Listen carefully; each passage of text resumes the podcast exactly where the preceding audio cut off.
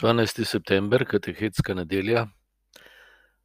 Ob Jezusu so se Peter in apostoli prvi učili, kaj pomeni biti človek na božji način. Se pravi, eh, kaj je resnična moč, kdo je Bog, kdo smo mi, zakaj v življenju v resnici sploh gre. O tem teče danes beseda v Evangeliju, pa tudi v berilih. Pred eh, spremenjenjem v Markovem Evangeliju Jezus jasno pove, da je njegova pot sprejetje trpljenja.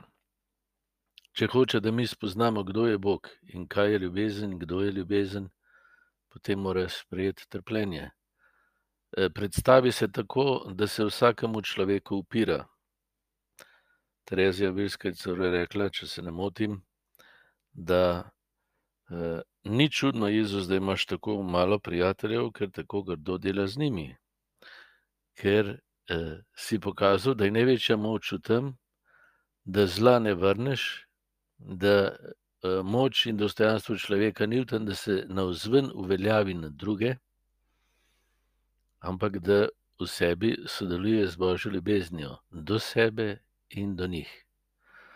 In to pot Jezus odpre za Petra in apostole, pa tudi za mene. Tudi jaz se prepoznam v tem, kar Jezus reče Petru: Stopi za menoj, Satan, ker ne misliš po božjem, ampak po človeško, po tem, kako bi sam svojo kožo uveljavil in rešil. Pa ni potrebno, ker je to Bog že naredil, ti to sprejmi. Tle imamo vsi težave, iz roda v rod. Eh, preden dozorimo, eh, kar traja, ne, če smo pošteni. Ampak je Jezus na odneha in Petra povabi naj hodi za njim, tako kot mene, da sprejmem to, kar Jezus pove samo sebi. On pač pokaže, v čem je resnična ljubezen, kdo je Bog, kdo smo mi.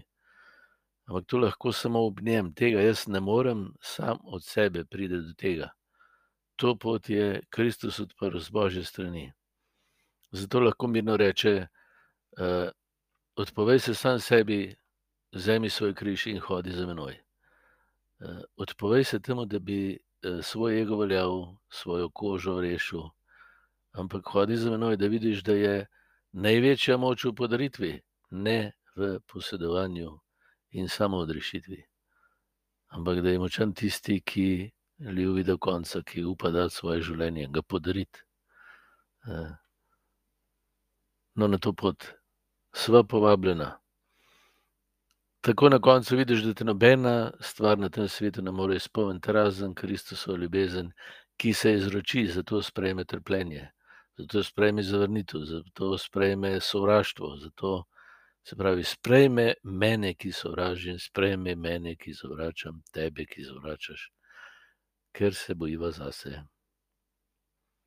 Veselimo se.